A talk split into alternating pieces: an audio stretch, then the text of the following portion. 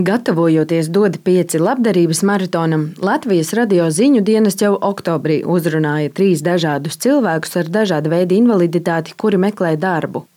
Vienojāmies, ka viņi ļaus mums, trim Latvijas radio žurnālistiem, ieskatīties šajā procesā.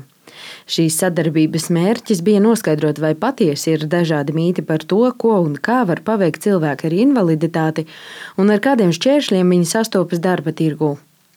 Vairāku nedēļu garumā mēs regulāri sazinājāmies ar saviem darba meklētājiem, interesējoties gan par viņu panākumiem un neveiksmēm, gan par pašu pārdomām par notikumu gaitu, nekādā veidā neiejaucoties un nemēģinot ietekmēt notiekošo. Šos stāstus publicēsim trīs nedēļu garumā, trešdienās, un katrā no tiem notikumu gaita izrādīsies pilnīgi citādāka. Šodien stāstīšu par to, kā darbu meklēja rīznieks Viesturs.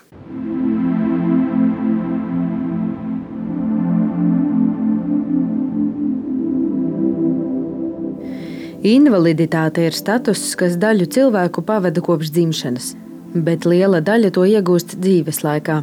Starp viņiem ir arī viesturs, kurš vienmēr bijis sabiedriski aktīvs un kustīgs cilvēks, un kuram vienmēr ir bijis svarīgi iestāties pret netaisnībām un rosināt tās mainīt. Draugi un paziņas reizēm pārmet viesturam lielu runātīgumu, un viņš arī pats to nenoliedz. Mani interesē tēlēni sakot, vērot process, kā viņi notiek, analizēt šo miedarbību un arī piedalīties viņos. Tā arī katra mūsu saruna iestiepjas vismaz uz stundu, un darba meklējumi ir tikai maza detaļa visā viestura stāstāmajā. Viņam ir grūti pieņemt trūkumus atbalsta sistēmā, par kuriem citi jau sen ir paguruši runāt un samierinājušies. Iepazīstoties, šķiet, ka viesturs kaut kādā veidā ir bijis iesaistīts teju visos Latvijas sabiedrības dzīvē nozīmīgos pagrieziena punktos. Viņš bijis gan aktīvs tautas frontes dalībnieks, gan pielicis roku attīstības projektu tapšanā būvniecības būma laikā, kad jaunie projekti tapa agrākajos burkānu laukos. Kāds no mums kopā ar viesturu un viņa ģimeni plecu pie pleca ir stāvējis uz akmens tilta, cilvēku ķēdē padodot grāmatas uz to jaunajām mājām gaismas pilī. Viestura ģimenei pat Real Baltica trase nav metusi līkumu.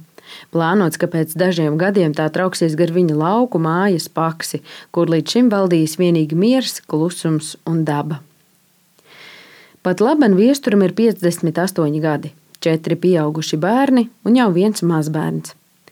Parasti jaunu lapusi savā dzīvē viņš pāršķir janvārī, tad viņam ir dzimšanas diena. Bet pagājušā gadā tas notika ātrāk, jau pirms novembra, un tikpat negaidīti kā vilciens nekurienes vidū pie lauku mājas pakša. Sāka sāpēt mugura, un tas sāpes jau pārgāja kaut kādā grūtībā staigāt. Es nokļuvu slimnīcā, uzstādīja diagnozi. Teica, nu, tur jāpavingro, jādzer zāles, un, un viss būs labi. Un, bet nu, nebija labi. Pēc, pēc dažām dienām es atkal nonācu slimnīcā. Stipri sliktākā stāvoklī, jau, jau nevarēja pastaigāt. Un tad beidzot konstatēja to vainu. Mugurkaula skriemeļa patoloģisks lūzums. Iemesls nav noskaidrots. Pirms liktenīgā pagrieziena punkta viesturs saimniekoja dažādos īpašumos, rūpējoties, lai tur valdītu siltums, komforts un kārtība. Skaidrs, ka pēc nokļūšanas ratiņkrēslā viņš šos pienākumus veikt vairs nespēja, un darbs jāmeklē no baltas lapas. Kad mēs sarunājamies, ārēji viesturs ir mierīgs kā kalns, rūpīgi izvēlas vārdus un kārto domas. Oktobra beigās, kad vējainā dienā tiekamies pirmo reizi kādā no Rīgas parkiem, viņš atzīst, ka jaunajos apstākļos pietrūkst atbalsta un padoma darba meklēšanā. Viņa pieredzē nodarbinātības valsts aģentūra fokusējas uz standarta risinājumiem, kas paredzēti masām, bet īsti neiedziļinās, kādas ir konkrētā darba meklētāja iespējas, vajadzības un vēlmes. Konsultante, kur ar viņu sazinās, ir strupa un nelaipna, stāsta viesturs. Oficiāli darba attiecības man nav kādus dažus mēnešus, un kopš tā brīža es esmu reģistrējies kā bezdarbnieks. Un viens no maniem pienākumiem ir meklēt darbu. Ir šīs formālās teiksim, lietas, ja, par to, ka tur darba meklētāja dienas grāmata pienākumi, ja, un, un, un tā, kur arī, protams, viss šī ārkārtas teiksim, situācija ir ieviesusi savas korekcijas, ja, jo man bija paredzēta klātienes vizīte, ja, un es tur cerēju uz kaut kādu šo atbalsta funkciju, kas ir paredzēta teiksim, nodarbinātības valsts aģentūrā, kā pieņemsim, karjeras konsultants, ja, bet tas šobrīd nav pieejams. Nu, tas man varbūt apgrūtina orientēšanos, ja, vai teiksim, tādu profesionālu palīdzību vispār virzienos, kuros es varētu meklēt to darbu. Tas ir atstāts mana paša teiksim, ziņā, nu, kur, kur, kur tu vari tur meklēt, kur māki tur meklēt. Es domāju, ka priekš manis un manā situācijā jau ir tas galvenais priekš sevis. Varbūt atrast tos virzienus, kuros vispār meklēt. Tā kā viesturam, lai tiktu ārā no mājas, ir nepieciešama asistenta palīdzība, viņam būtu piemērots darbs, kuru varētu darīt attālināti un uz nepilnu slodzi. Viņa līdzšinējā darba pieredze ir bijusi saistīta ar būvniecības un īpašuma apsaimniekošanas nozari, taču tā ir joma, kurā šāda veida darbi ir liels retums.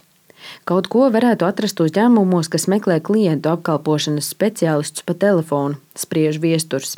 Es tā kā īsti neredzu, ka mans teiksim, sapņu darbs varētu būt kļūt par kādu šo te telefonu operatoru, ja, kur teiksim, kādiem lieliem klientiem atbild. Ja, vien, nu, vienalga, ja, kas arī šobrīd ir izplatīts kā, kā teiksim, ārpakalpojums. Zvanu centra veidā, ja vēl kaut ko tamlīdzīgu, kur varbūt strādā tur, teiksim, nezinu, desmitiem vai pat teiksim, simtiem cilvēku. Ja, un, un sniedz pakalpojumus arī pat kādām ārvalstīm. Ja? Nu, tur es īsti, īsti sevi teiksim, neredzu, bet eh, nu, ir tāds teiciens, ka nu, bada laikā vēlams pat mušu sēdiem. Kā liecina statistika, viesturs šajā dzīves posmā ir gluži vai standarta darba meklētājs ar invaliditāti. Tikai viņa CV jau ir par pagātni, un tagad viss jāsāk no baltas lapas. Un pavisam bezcerīgs viesturs nejūtas. Es domāju, ka nodarbinātības jomā arī ir pieredze stāstīja par to, kā dzīve nebeidzās. Tu vari viņu turpināt. Ja, protams, ar kādām korekcijām vai niansēm, specifiku, bet nav tā, ka viss cauri tevi gaida tikai gulta un, un, un speciāla aprūpe. Tomēr savas izredzes viņš vērtē piesardzīgi, jo uzskata, ka darba devējiem daudz pievilcīgāk ir jauni cilvēki un jau gatavi darbinieki ar pieredzi, kuri nav jāapmāca. Viņš pieteicies tādām vakancēm kā klientu konsultants, slepenais pircējs, intervētājs, pārdošanas speciālists, taču nekādu atbildes reakciju nav sagaidījis. Kaut arī materiālās vajadzības tas nerisina, Emocionālā veselība ir iemesls, kāpēc viesturs apsver domu arī par brīvprātīgo darbu kādā no sabiedriskajām organizācijām.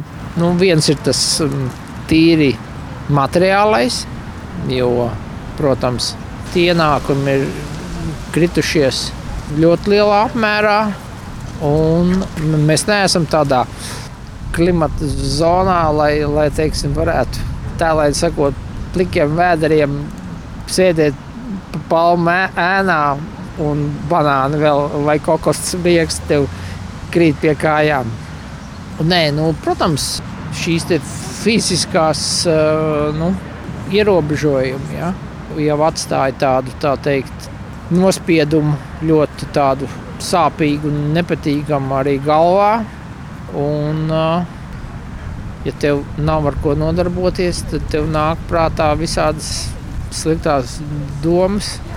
Un, un, ja, ja, ja tas tā sāk dominēt, tad ir ļoti grūti arī tikt galā un gaidīt kādus fiziskās veselības uzlabojumus. Pirmā tikšanās ir arī vienīgā reize, kad redzamies klātienē. Vēl pāris nedēļas vēlāk viesturam negaidīti paveras iespēja veikt svarīgus izmeklējumus slimnīcā. Pandēmijas vilnis vēl tikai ieskrienas, tāpēc šo iespēju viņš arī nekavējoties izmanto. Tas gan liek darba meklējumus uz kādu brīdi nolikt malā.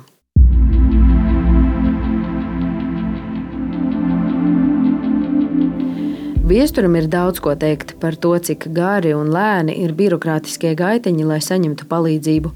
Jo dažādas palīgiekārtas nav jautājums tikai par fiziskām vērtībām, bet arī par emocionālo veselību. Mūsu sarunas norit Zoom platformā, un viesturs gultā gulēdams jūtas ērtāk, ja kamera paliek izslēgta. Taču pat tikai sarunājoties, ir skaidri redzams, ka ar šo palīdzību viesturs ir ieguvis gluži jaunu enerģiju un cerīgāku skatu uz dzīvi.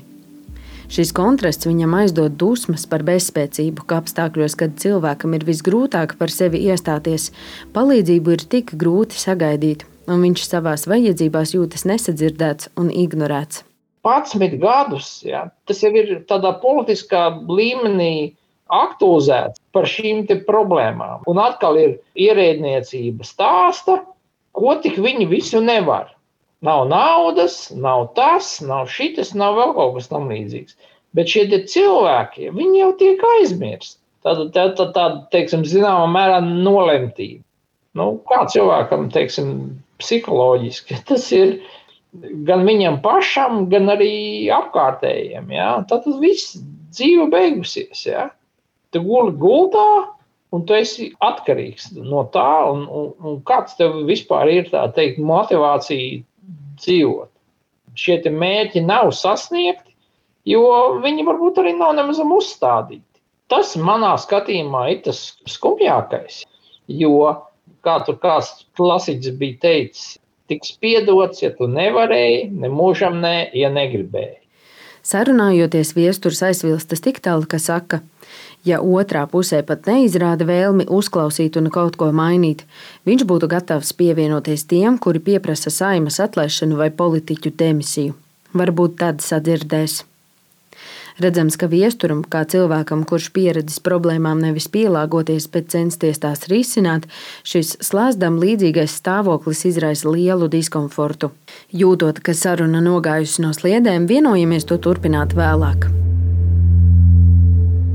Dienu vēlāk viesturs pastāsta, ka noslēdzis brīvprātīgā darba līgumu ar kādu biedrību, kurā viņš darbojas jau kopš dibināšanas brīža pirms desmit gadiem, un kurā viņš joprojām ir revīzijas komisijas loceklis. Nu, tur ir varbūt kaut kādi iespējams nākotnē projekti, ja, teiksim, saistībā ar kaut kādām šo te, teiksim, nevalstisko organizāciju teiksim, finansēšanas. Ja. Tur ir prasās arī kāds šis teiksim, resurss, lai to pētītu. Ja, un un tur varētu mēģināt arī piedalīties kaut kādās aktivitātēs. Jā. Tas varētu būt tas brīvprātīgais darbs ar kaut kādu perspektīvu. Protams, ja, ja tur ir kaut kādi šie projekti, ka viņš varētu pārvērsties arī kaut kādā, nu, tā teikt, ne tikai brīvprātīgā, bet arī ārpotā darbā.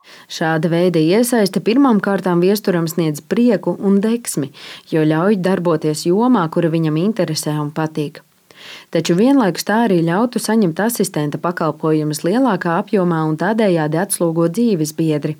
Jo līdzīgi kā daudzās citās ģimenēs, arī par viestura asistenti kļuvusi viņa sieva, un tādējādi arī viņas dzīve ir apmetusi kūleni. Viņam viņa nevar vienlaicīgi nu, teikt, skraidīt apkārt, ja strādāt ar klientiem pilnā slodzē.